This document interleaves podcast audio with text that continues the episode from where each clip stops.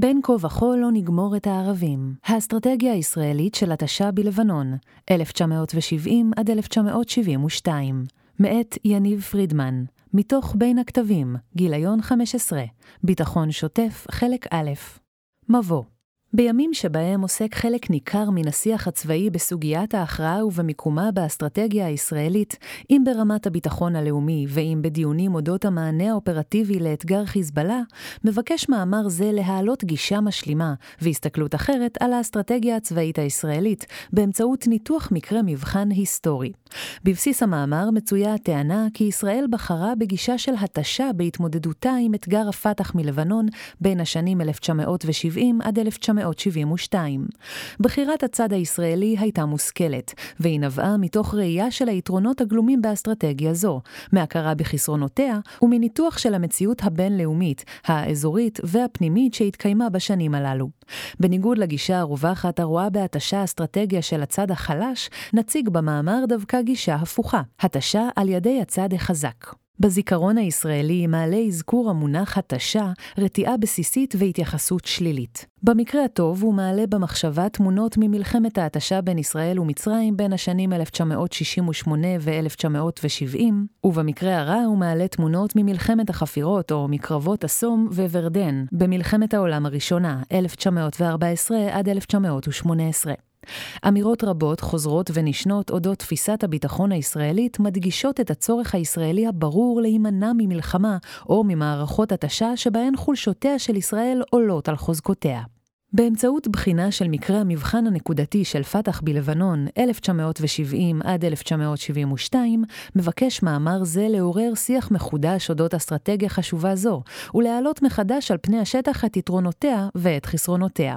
בחלקו הראשון של המאמר יוצגו המרכיבים התאורטיים של אסטרטגיית ההתשה. בחלקו השני נדון במענה הישראלי לאתגר פת"ח מדרום לבנון בין השנים 1970 עד 1972, דרך בחינת מבצעי הקלחות, קלחת 2, 12 במאי 1970, קלחת 4, 25 בפברואר 1972, ומבצע קלחת 4 מורחבת, ליל 16 עד 17 בספטמבר 1972. בחלקו השלישי של המאמר נסכם וננסה להסיק מסקנות רלוונטיות לאתגרי צה"ל הנוכחיים. התמקדנו בתקופה זו, 1970 עד 1972, ובגזרת לבנון, על מנת לבחון את תחילת המענה הישראלי לאתגר הפת"ח מלבנון. אם ברצוננו להבין את המדיניות הישראלית ללבנון ולאתגר הפת"ח, ולאחר מכן אולי להניח הנחות אודות מלחמת לבנון הראשונה, 1982, עולה הצורך לבחון את תחילת האתגר, ואולי חשוב יותר, את הנחות היסוד והתפיסות שעיצבו את המענה הישראלי. אסטרטגיית ההתשה התשה היא אסטרטגיה לניהול עימותים. פעמים רבות מתארים אותה כעומדת אל מול גישת ההכרעה, או הבליצקריג, אף כי ניתן להגיע להכרעה גם באמצעות התשה. במקרים לא מעטים במאה ה-20 דווקא הדמוקרטיות המערביות בחרו בגישת התשה, וזאת מתוך ראייה של יתרונותיה לעומת גישות אחרות. מספר נקודות מרכזיות מאפיינות אסטרטגיה זו. א', רצון. ההיבט הפסיכולוגי הוא גורם רב חשיבות באסטרטגיית ההתשה. רצון הצד הנוקט באסטרטגיה זאת הוא להשפיע לא רק על יכולות האויב, אלא גם, ואולי בעיקר, על רצונו ונכונותו להמשיך בלחימה. כלומר, הפגיעה הפיזית באויב, הריגת חייליו או השמדת האמל"ח והאספקה שלו, הם האמצעי שנועד להשפיע על הרצון שלו להילחם, אולם הוא לא המטרה המרכזית. בכל מקרה, הניצחון מושג באופן הדרגתי כתהליך ובדרך מצטברת. זאת בניגוד לאסטרטגיית ההכרעה, שבה מנסים להביא לחיסול האויב באמצעות מערכה חד פעמית. ב. משך. לממד הזמן יש חשיבות רבה בניהול מערכת התשה. בניגוד לאסטרטגיית ההכרעה, שבה יש לרכז את מירב המאמצים למהלך דומיננטי אחד, בניהול מערכת התשה יש לחלק את המאמצים לאורך ציר הזמן, כדי שלא ייפגעו מהלכים עתידיים, ועל מנת שהיכולת להמשיך בלחימה לא תיפגע בשל שחיקה עצמית של הצד המתיש. ג. תכלית מבצעית. קיימות שתי גישות בסיסיות להתשה. ההתשה נועדה להרוויח זמן להתעצמות עד לקרבות שיביאו להכרעה של המלחמה. ההתשה כתכלית, לגרום לאויב להבין שבלתי אפשרי מבחינתו להגיע לניצחון. בניגוד לתפיסה המקובלת שלפיה הצד החלש הוא הנוקט בהתשה, גם הצד החזק בעימותים יכול לנקוט באסטרטגיית התשה. הוא יעשה זאת בשל העובדה כי הוא נהנה מהיכולת לקיים מאמץ לחימתי ארוך יותר מן הצד האחר, מדינות אחרות או ארגונים. צבא מדינה סדיר שיש לו סד"כ גדול יותר משל יריבו, והיכול לקיים מאמץ אספקתי וחימושי, ינקוט בשיטה זו מתוך רצון להביא לידי ביטוי את היתרון הכמותי והאיכותי שלו, ואת יתרונו היחסי על יריביו. אין הכוונה כי השחקן החזק יקריב את חייליו על מנת להתיש את הצד החלש, אלא ליכולתו של השחקן החזק להשתמש באופן מושכל בעוצמתו הכמותית. חשוב לחדד כי בגישה הישראלית להתשה, כפי שעולה מן הדיונים הנרחבים בשנות המחקר, מודגשת ההבנה כי ישראל לא תוכל להרוג יותר אנשי פת"ח מאשר הארגון יוכל לגייס, לפגוע בכלל הארסנל הצבאי של הארגון יותר משהוא יוכל לחדשו, או לחסלו מבחינה אידיאולוגית. כלומר, מאמץ ההתשה שישראל הפעילה לא נועד לנצל את יתרונותיה הכמותיים על מנת להביא לשחיקה קריטית של כלל משאבי פת"ח, אנשים, אמל"ח ואספקה, אלא הוא יועד בעיקר לפגיעה ברוח הלחימה, או ביתר דיוק, לייאש את היריב, במקרה הזה פת"ח, מדרך פעולתו. גישה שונה מהתפיסה הישראלית, הרואה בחיסול הפיזי של יכולות האויב את המפתח לניצחון או הכרעה במלחמה, היא גישת השחיקה האמריקאית, כפי שבאה לידי ביטוי במלחמת וייטנאם, תפיסת body count. בבסיס תפיסה זאת מצויה הנחה שגרסה כי ההצלחה במלחמה תבוא לידי ביטוי בהריגת כמות גדולה יותר של לוחמי וייט קונג מאשר הם יוכלו לגייס, ובהשמדת המזון, התחמושת והאמל"ח יותר מאשר הם יוכלו לגדל או לרכוש. אין זה אומר כי ישראל לא ביקשה לפגוע באנשי פת"ח, בציודם ובאספקתם, אלא שהחשיבות שייחסה לכך, מתוך שהבינה את אופי הארגון, עוצמתו בקרב האוכלוסייה ויכולתו לגייס לוחמים ולרכוש נשק, הייתה מוגבלת. לסיכום, אסטרטגיית התשה היא תהליך המכיל בתוכו אפקט מצטבר, המיועד לפגיעה ביכולתו, אולם בעיקר, במקרה הישראלי, ברצונו של האויב להילחם, שהצד החלש יכול לנקוט בו, אולם גם הצד החזק שנמנע מלהכניע, ושתוצאותיה פעמים רבות הן מתונות. המענה הישראלי לאתגר הפת"ח מדרום לבנון, 1970 עד 1972. מבצע קלחת 2, 12 במאי 1970. רקע לתקופה לאחר מלחמת ששת הימים הפכה ירדן לבסיס המרכזי שממנו יצאו פעולות של פלסטינים כנגד ישראל. בקעת הירדן, ארץ המרדפים, הפכה לזירה המרכזית שבה התמודד צה"ל כמעט מדי יום ביומו עם פעולות הטרור והגרילה מטעם ארגון הפת"ח. בתחילת 1970 החל מרכז הכובד של פעילות הפת"ח להשתנות, ופעילים רבים החלו להתבסס באזור דרום לבנון ולפעול משם נגד ישראל ונגד כוחות צה"ל. למרות האיום ההולך וגובר מצד ארגון ארגוני המחבלים בלבנון, ובראשם ארגון הפת"ח, האתגר הביטחוני המרכזי שאיתו התמודדה ישראל, הייתה מלחמת ההתשה בחזית המצרית. בתחילת דצמבר 1969 החל חיל האוויר להפציץ את התשתית הצבאית המצרית בקרבת התעלה, עמדות טילים מוצבים ועמדות ארטילריה. ב-7 בינואר אישרה הממשלה את הפצצות העומק במצרים, למרות החשש מהמעורבות הסובייטית ומעצירת אספקת מטוסי הפנטום החדישים מארצות הברית. באופן ברור ריכזה אליה מלחמת ההתשה בחזית המצרית את מירב תשומת הלב. אולם אט-אט החלה הזירה הלבנונית למשוך קשב רב יותר ויותר. הסכם קהיר שנחתם ב-2 באוקטובר 1969 בין ממשלת לבנון ובין אש"ף, הסדיר את פעילות הארגון בלבנון. ההסכם אישר למעשה לאש"ף לצאת ולתקוף מטרות ישראליות מאדמת לבנון. דיונים מוקדמים ב-1 בינואר 1970 חדרה חוליית מחבלים למטולה, הניחה מטענים וחטפה את השומר שמואל רוזנווסר. בתגובה פשט צה"ל ב-2 בינואר על הכפר קילה, מבצע קונטרבס 10, ולקח בשבי 12 אזרחים ועשרה חיילים לבנונים. ב-13 בינואר 1970 נערך כנס של סגל הפיקוד הכללי של צה"ל. בכנס נסקר מצבה האסטרטגי של ישראל בחזיתות השונות, ונערך דיון בנוגע לדרכי התגובה. בחלק שעסק בלבנון ובפעילות הפת"ח אמר אהרון יריב, ראש אמ"ן, כי למרות שירדן נשארה בסיס המחבלים המרכזי, הופכת לבנון לבסיס עוצמתי של הפת"ח. הארגון זולג מאזור החרמון והר דוב לכיוון דרום לבנון. הפת"ח הוא גורם מטריד ומעסיק, ולא נוכל לחסלו בעתיד הקרוב.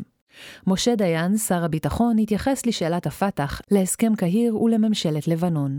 הוא העלה את החשיבות של יצירת לגיטימציה בינלאומית לפעולה, ואת חשיבות תזמון הפעולה הישראלית. בשל הסכם קהיר והעובדה כי למעשה ממשלת לבנון אינה מממשת את ריבונותה, על ישראל להתחיל לנקוט פעולות צבאיות נגד הפת"ח. לטעמו, אם ישראל לא תתחיל כעת בפעולות צבאיות קטנות יחסית נגד הפת"ח, כאשר תגבר פעילותו, וישראל תרצה להגיב באופן עצים ולא תפעל קודם לכן, קשה יהיה לה להסביר זאת לקהילה הבינלאומית, לארצות הברית, ומבחינה ציבורית חיצונית.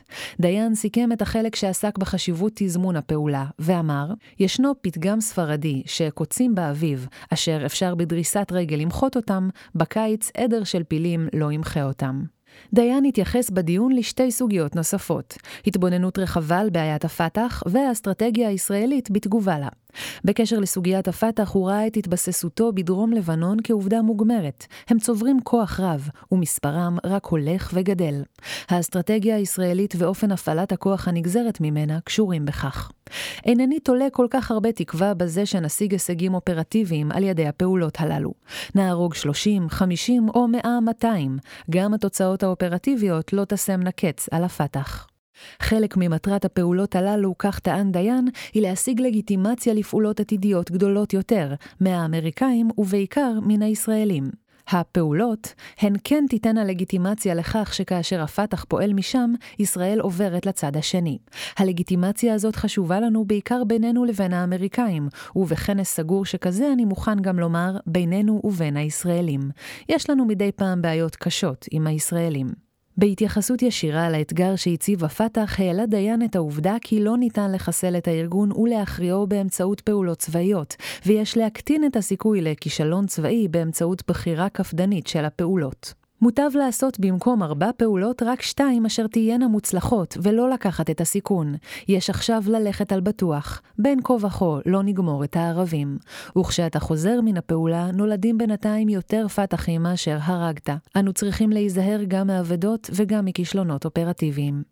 בדיוני מטכ"ל שנערכו ב-9 בפברואר 1970, ב-16 וב-23, בו ציין דוד אלעזר, ראש אג"ם, את העלייה בפעילות הפת"ח. יומיים קודם לכן, ב-21 בפברואר, פוצצו מחבלים פלסטינים מטוס סוויס אר שוויצרי.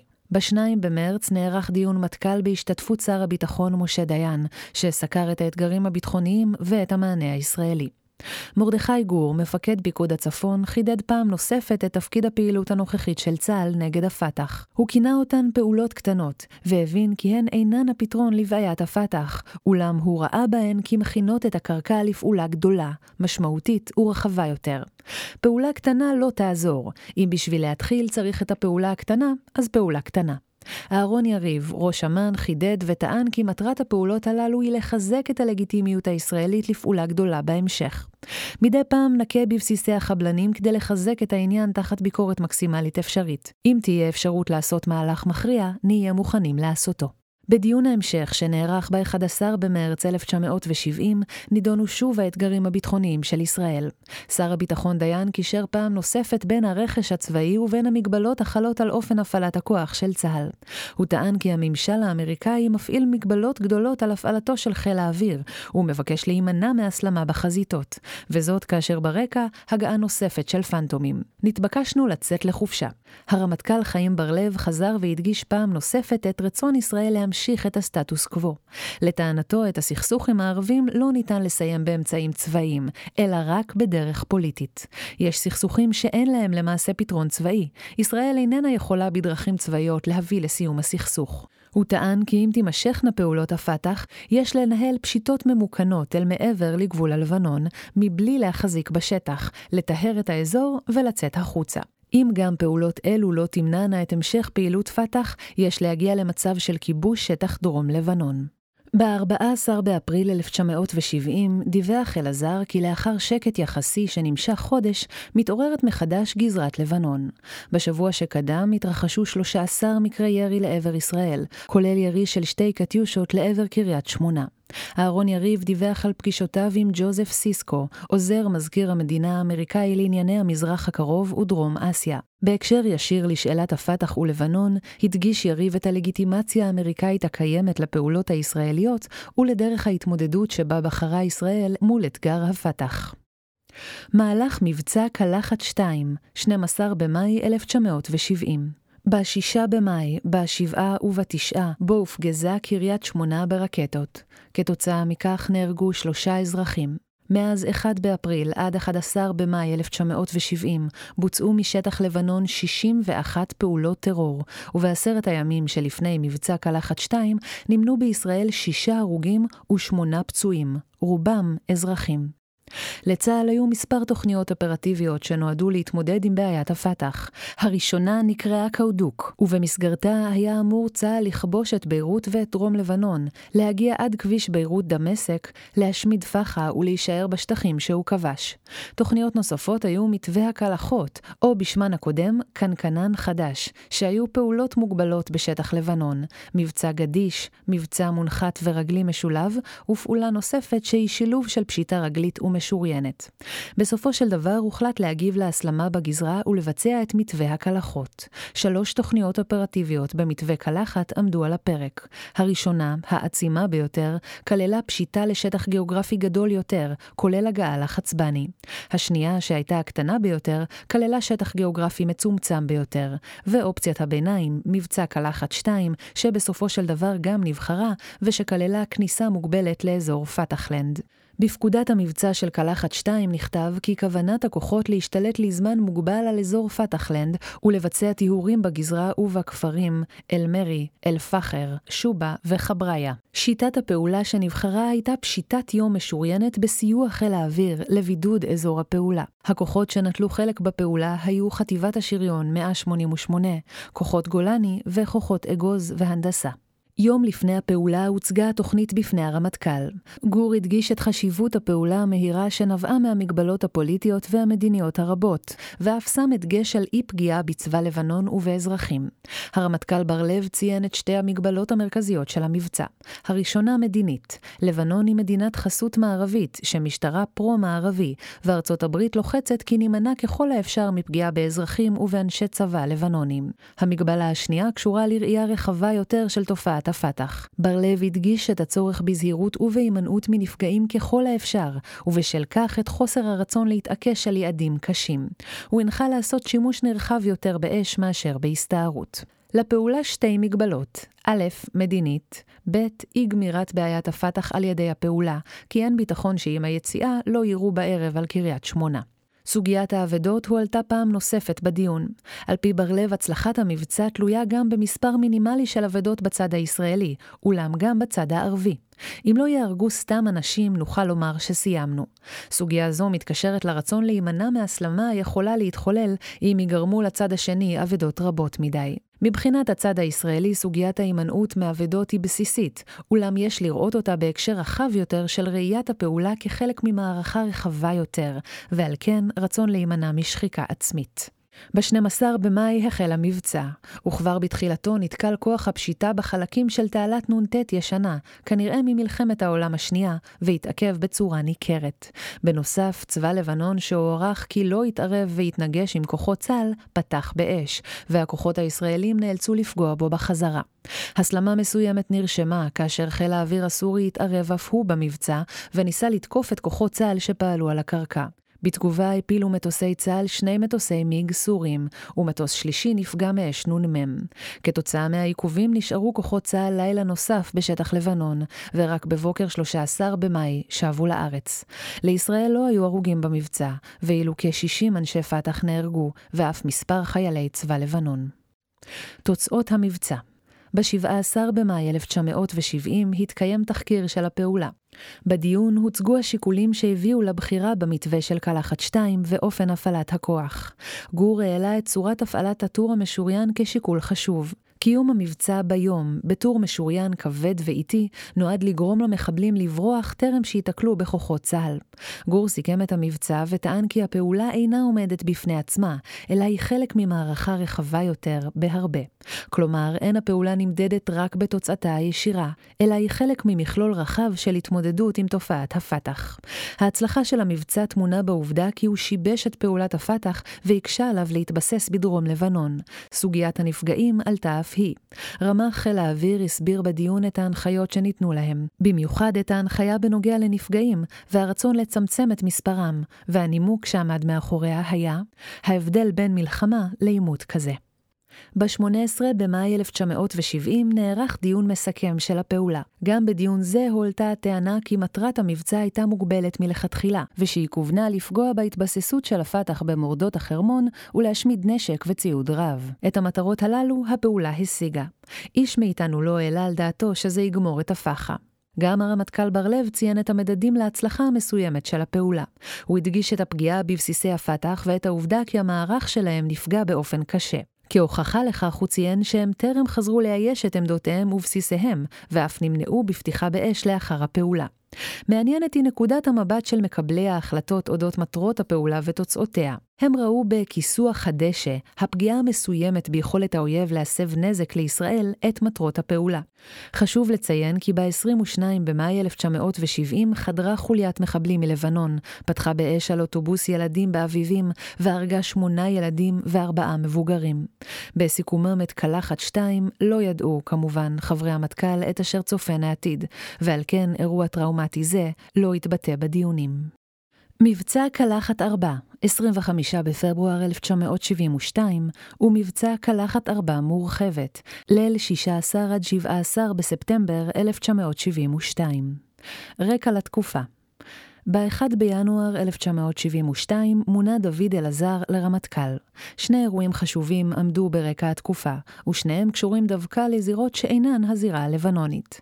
האירוע הראשון היה הסכם הפסקת האש במלחמת ההתשה עם מצרים, שנחתם ב-7 באוגוסט 1970.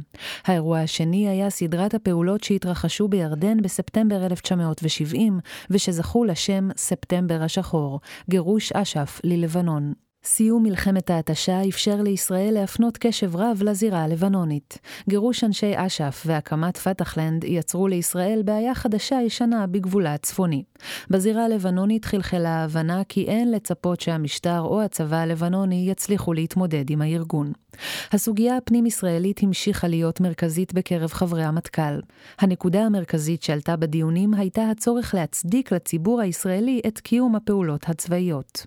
עיקר הכוח שלנו היה בקונצנזוס הלאומי. הוויכוח לא היה על מהות, אלא על שיטות. ברגע שיהיו חילוקי דעות על המטרות, ברגע זה ייהרס הקונצנזוס והזיקה הלאומית. הוויכוח היה לא על המטרה, אלא על השיטה. מהלך המבצע קלחת 4, 25 בפברואר 1972. אשר לפח"א זו צרה צרורה, הפח"א לא ייעלמו כל כך בקלות. לבנון הפכה להיות הזירה המרכזית שממנה פעל הפת"ח. דצמבר 1971 היה החודש השקט ביותר מבחינת הפח"א מאז אוקטובר 1967, אולם החל מינואר 1972 חלה עלייה בפעילות הפת"ח כנגד ישראל, שהחלה בפעילות התקפית נגד הארגון. פעילות הפת"ח מדרום לבנון לא פסקה, אלא התגברה, ובעקבות כך קיבל צה"ל אישור לבצע את מבצע קלחת 4 ב-25 בפברואר 1972, שהורכב מכמה פעולות.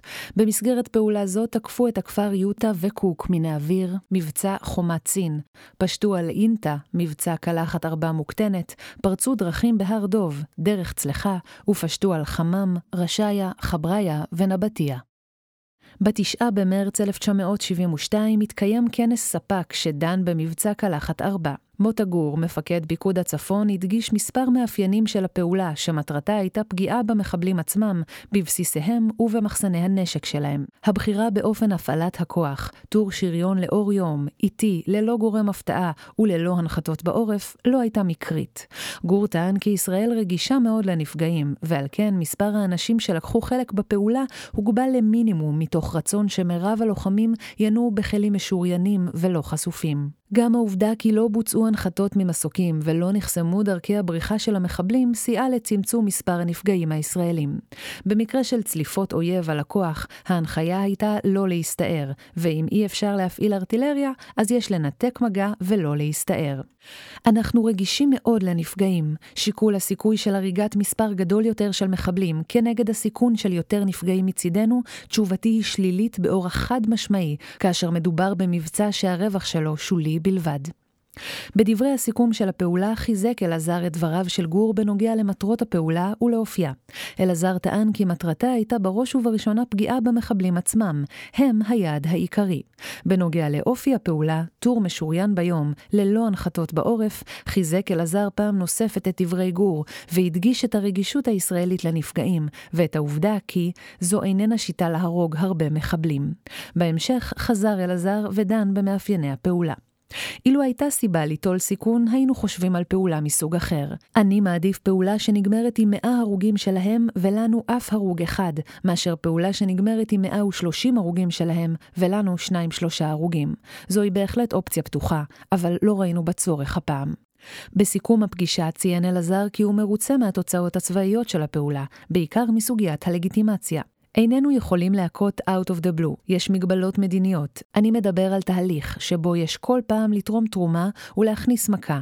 אני מייחס חשיבות לפעולה הזאת. באותו תהליך שבו אנו פועלים להרגעת הגבולות לפגיעה בארגוני המחבלים, זה זמן שלנו להכות, להשתיק ולהרגיע.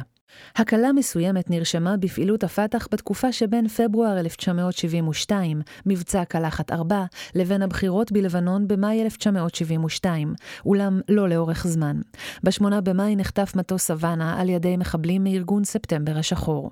ב-30 במאי פתחו חברי חוליה של הצבא האדום היפני בירי בנמל תעופה לוד, ורצחו 24 אנשים. וביולי שוגרו קטיושות לעבר חצור.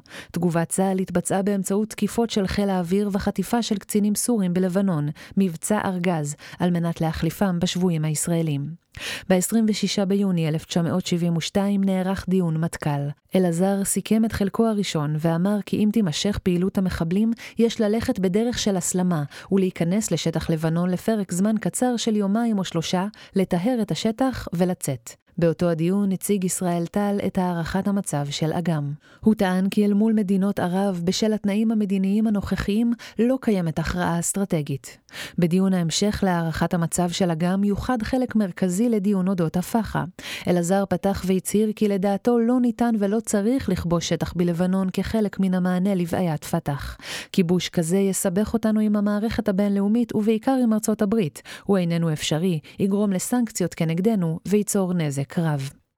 מהלך מבצע קלחת ארבע מורחבת, ליל 16 עד 17 בספטמבר 1972. בליל 5 עד 6 בספטמבר 1972 חדרו מחבלים מארגון ספטמבר השחור לכפר האולימפי במינכן, ולאחר כיממה רצחו 11 ספורטאים, מאמנים ושופטים, חברי המשלחת הישראלית לאולימפיאדה. כתגובה על מינכן ועל פיגוע שבו נהרג חייל צה"ל, תקפו מטוסי חיל האוויר שלוש מטרות מחבלים, שתיים בסוריה ואחת בדרום לבנון. בדיון העוקב לאחר הפעולה, אמר הרמטכ"ל אלעזר כי הוא הציע לממשלה להגיב לפעילות הטרור ולפתוח במלחמה יזומה כנגד המחבלים. זאת לא ייעשה באמצעות פעולת תגמול, אלא באמצעות פעולה רצופה, גם כתגמול על מינכן, וממנה להגיע לידי מלחמה. בסופו של דבר לא אישרה הממשלה את המתווה הרחב שאותו הציע אלעזר, והפעולה הנבחרת צומצמה בצורה משמעותית בשל החשש לפגיעה רחבה באזרחים. את המשך הדיון ייחד אלעזר למתווה האסטרטגי-אופרטיבי של המאבק במחבלים. הוא הדגיש כי באופן כללי, אין ספק שיש לקיים מאבק יזום ורצוף, ויש להרוג אותם והרבה בכל מקום. אולם אלעזר טען דבר נוסף וחשוב. הוא העריך כי באקט אחד לא ניתן יהיה לסיים את המערכה האסטרטגית אסטרטגית-אופרטיבית של ישראל נגד המחבלים. כיבוש ביירות לא יפתור את בעיית הפת"ח. למעשה, דרך הפעולה האפשרית, לטעמו, בנויה על פעולות רבות, קטנות יחסית, שביחד מייצרות תועלת גדולה. לא מהלך אחד מכריע, אלא כמה וכמה מהלכים, שהשילוב והחיבור ביניהם הוא היוצר את ההשפעה הגדולה על המחבלים ואף על המדינות המעורבות. אני אישית אינני מאמין באקט אופרטיבי אסטרטגי אחד שבו תסתיים המלחמה. לו האמנתי שכיבוש ביירות יגמור את המלחמה, הייתי מציע זאת. אני חושב שהדרך היא דרך של להיצבר אפקטים בהתמדה, להכביד על המדינות השכנות ולעשות זאת בלתי נסבל.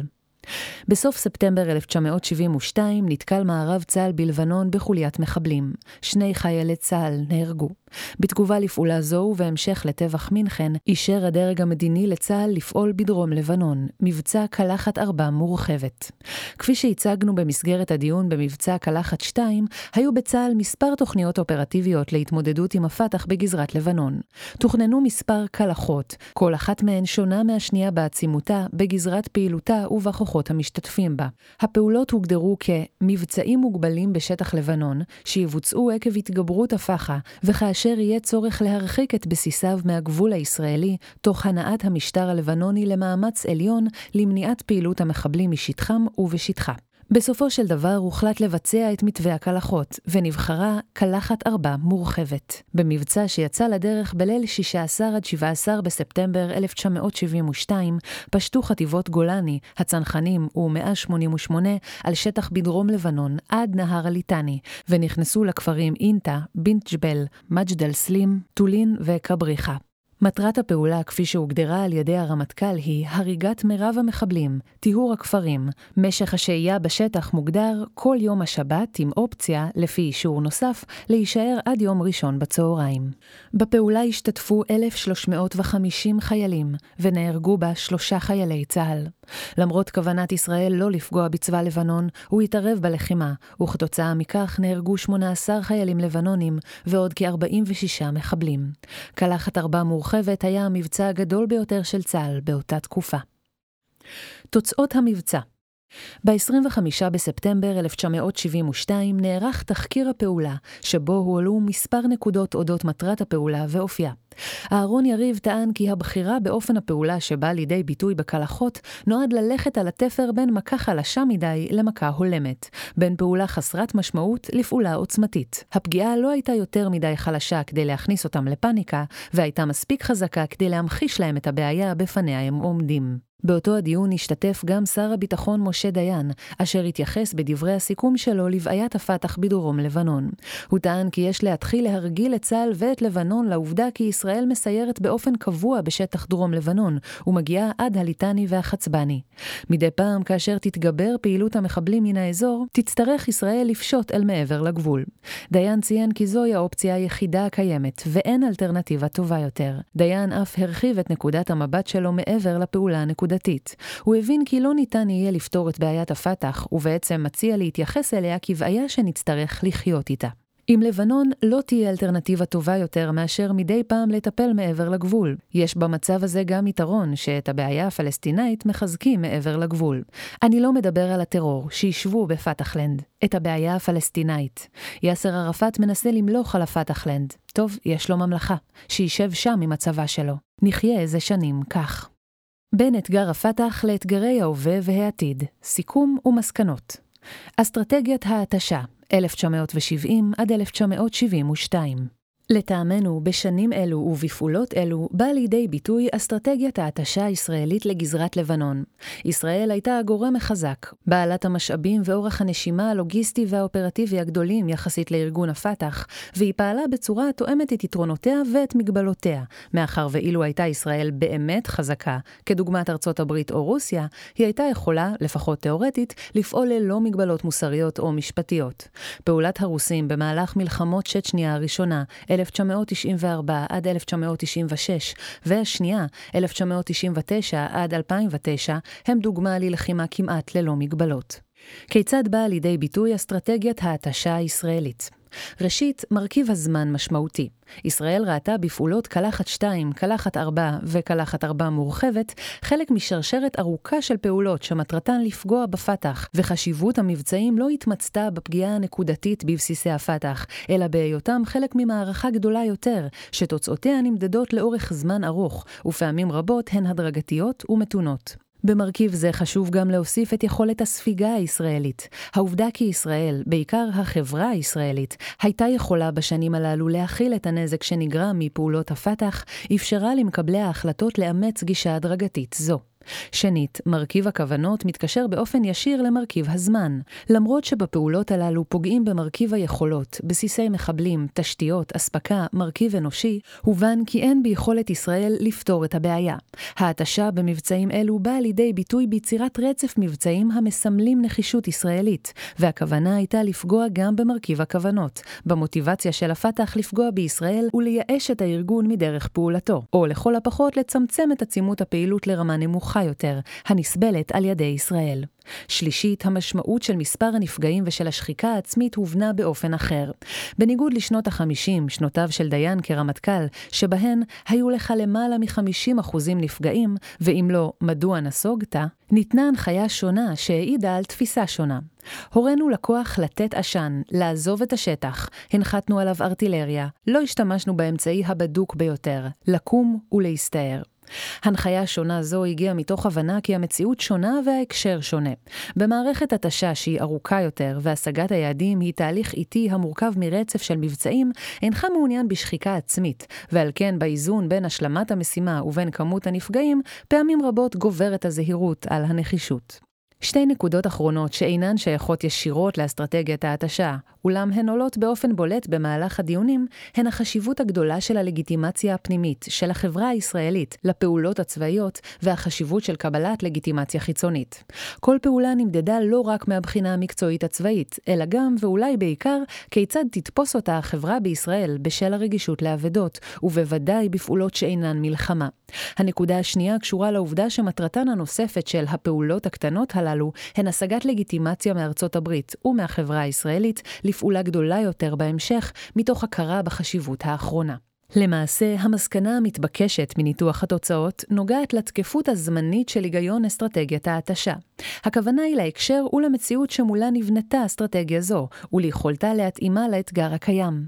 כאשר משנה הצד השני את מאפייני פעולתו, נשמטת הקרקע מתחת הגיונו של המענה.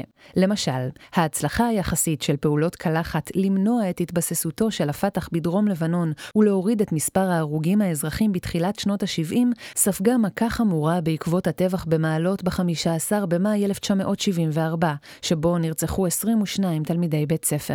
גם בעקבות זאת לא שינתה ישראל את דרך פעולתה. השינוי הגדול התרחש דווקא בצד השני של הגבעה. דרך הפעולה של אנשי הפת"ח היה המעבר לירי מנגד, בעיקר תותחים וקטיושות, ולדרך פעולה זו המענה הישראלי של התשה כבר לא היה הולם מספיק. מבצע ליטני ב-1978, ובצורה בולטת יותר עשרת ימי ההתשה ב-1981, שבמהלכם נורו כ-1,200 קטיושות לעבר קריית שמונה וצפון ישראל, הפילו את האסימון בקרב מקבלי ההחלטות, כי דרך הפעולה הקודמת אינה מספקת מענה לאתגר החדש, וחיסולו של אש"ף בכל לבנון היה המטרה החדשה. מבט אל עבר אתגרי ההווה והעתיד. מדוע אם כן יש לבחון בראייה של אתגרי ישראל הנוכחיים והעתידיים את התועלת באסטרטגיית ההתשה? ראשית, נטען כי השינוי הכמותי ביחסי הכוחות מאפשר לישראל לנצל את יתרונותיה בתחום זה אל מול הארגונים. ישראל היא השחקן החזק מבחינה צבאית, המבוסס מבחינה כלכלית, ובעל היכולת לנהל מאמצי לחימה ארוכים יותר בשל יכולות אספקה, כוח אדם, ובוודאי עוצמת אש וטכנולוגיה. כאשר התמודדה ישראל עם צבאות ערב, היא הייתה מצויה בנחיתות כמותית עצומה. לערבים הייתה עליונות בכוח אדם, במשאבים, בחומר, בשטח, ובאפשרות ליהנות ממסגרת רחבה יותר של תמיכה מדינתית. בפרק זמן זה התמודדה ישראל גם אל מול הארגונים, פדאיון, הפת"ח ואש"ף, שמולם דווקא הייתה ישראל מצויה ביתרון כמותי שנבלע מעט בתוך מכלול הכוח הערבי הסדיר. נתוני יסוד אלו אודות הפער הכמותי עם הערבים החלו משתנים. הסכם השלום עם מצרים, מלחמת לבנון הראשונה, חיסול האיום מן החזית המזרחית ומלחמת האזרחים בסוריה, הביאו לתמורות חיוביות מבחינת ישראל בסוגיית הכמות, וכיום מצוי צה"ל ביתרון כמותי על הארגונים שאיתם הוא מתמודד, ובמידה מסוימת גם על צבאות ערב. צה"ל יכול לנצל נקודת עוצמה זו, ולנהל בצורה חכמה מערכת התשה ארוכה יחסית, המכוונת לנקודת החולשה הזאת אצל הארגונים. שנית, ראוי להתייחס לשינוי במושג איום קיומי כמשפיע לחיוב על מצבה של ישראל ועל הנכונות לבחור באסטרטגיה של התשה. אם בעבר בהתמודדות נגד צבאות ערב היה איום קיומי, אזי כיום, בעקבות השינויים שציינו קודם, איום כזה איננו מסתמן באופק. דוחק. כאשר היה קיים איום כזה, למשל ערב מלחמת ששת הימים, לא ניתן היה לבחור באסטרטגיה של התשה, כי החרב הייתה על הצוואר, ועל כן היו צריכים לפעול אחרת, הכרעה מהירה וקצרה בזמן. כיום, למעט הגרעין האיראני, לא נשקף איום קיומי כזה, בוודאי לא מן הארגונים. היכולת של ישראל לבחור באסטרטגיה של התשה קשורה ביכולתה להימנע מהתמודדות ישירה הכורכת בחובה נפגעים רבים ופגיעות נרחבות בשל היעדר איום המחייב הסרה מיידית, ועם זאת עדיין לשמור על האינטרסים החיוניים לה באמצעות פגיעה מצטברת ביריב. נקודה שלישית וחשובה, המובילה לבחירה באסטרטגיה של התשה, קשורה בטענה כי דווקא ישראל מפגינה יכולת התמודדות מרשימה במערכות ארוכות בעלות אופי של התשה, בעיקר ביחס לשני מדדים, חוסן חברתי-לאומי וכלכלה. טענה זו, בזכות ישראל, קשורה בהפרחת שתי אגדות עם. הראשונה נוגעת לחוסר היכולת של חברות דמוקרטיות להתמודד עם מלחמות התשה, בשל הפגיעה הכלכלית והפגיעה בחוסן החברתי. השנייה קשורה ליכולת הספיגה הרחבה של חברות עולם שלישי, ולטענתה כי חברות אלו תמיד יצאו מנצחות מעימותים אלו. ביחס לאגדת העם הראשונה, חברות מערביות ודמוקרטיות הוכיחו כושר עמידות יוצא מגדר הרגיל לאורך זמן, כאשר המטרות שהן נאבקו עליהן היו בעיניהן הכרחיות ומוצדקות. מספיק להסתכל על האופן שבו התמודדה ישראל עם מלחמת ההתשה, או עם מאה שנות סכסוך, כדי להבין זאת.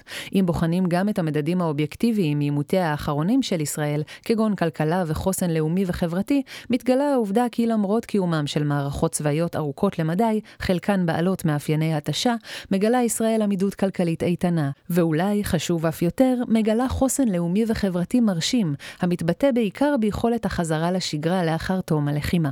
בתוך טענה זו שלנו מובלעות שתי הנחות נוספות. הראשונה היא כי בניגוד לראייה כי על ישראל לקיים מערכות או עימותים קצרי זמן בשל חוסר יכולתה לקיים מאמץ משקי, חברתי, כלכלי וצבאי לאורך זמן, מתגלה כי העימותים האחרונים דווקא ארכו זמן ממושך מאוד, ועדיין השכילה ישראל לעמוד בהם בהצלחה וללא פגיעה משמעותית בחברתה או בכלכלתה.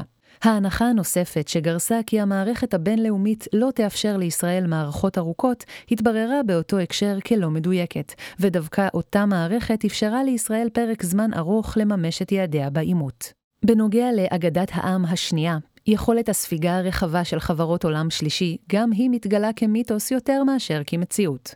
ניסיון העבר מוכיח כי פעולות ישראל גרמו פעמים רבות, אם נוהלו נכון, דווקא לירידה בפעולותיהם של הערבים.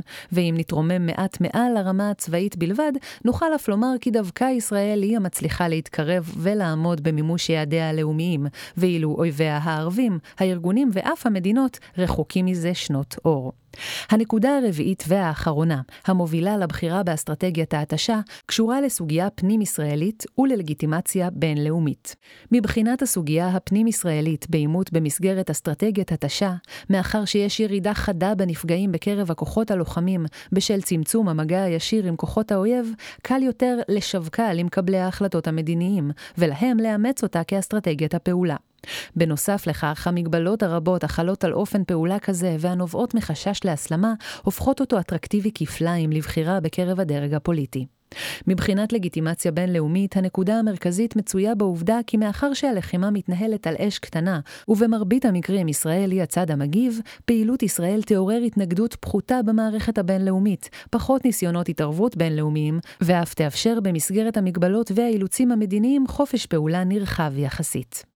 לסיכום מאמר זה נאמר כי אסטרטגיית התשה איננה מענה הולם וראוי לכל אתגרי ישראל. במקרה של עימות רחב ממדים, הכולל ירי שוטף על העורף, או כמות נפגעים ישראלית גבוהה למין תחילת העימות, הרי שגישה איטית, ארוכה ופיזית פחות אינה המענה הנכון, ופעולות מהירות, עוצמתיות וקצרות זמן יחסית הן התפיסה הנכונה. אולם בשעה שהאתגר הוא שונה משתואר, אזי הכרה של המערכת התאורטית של התשה, של מקרה המבחן, על הצלחותיהם וכישלונותיהם, יכולה להביא לגיבוש אסטרטגיה העונה לאתגרי ישראל.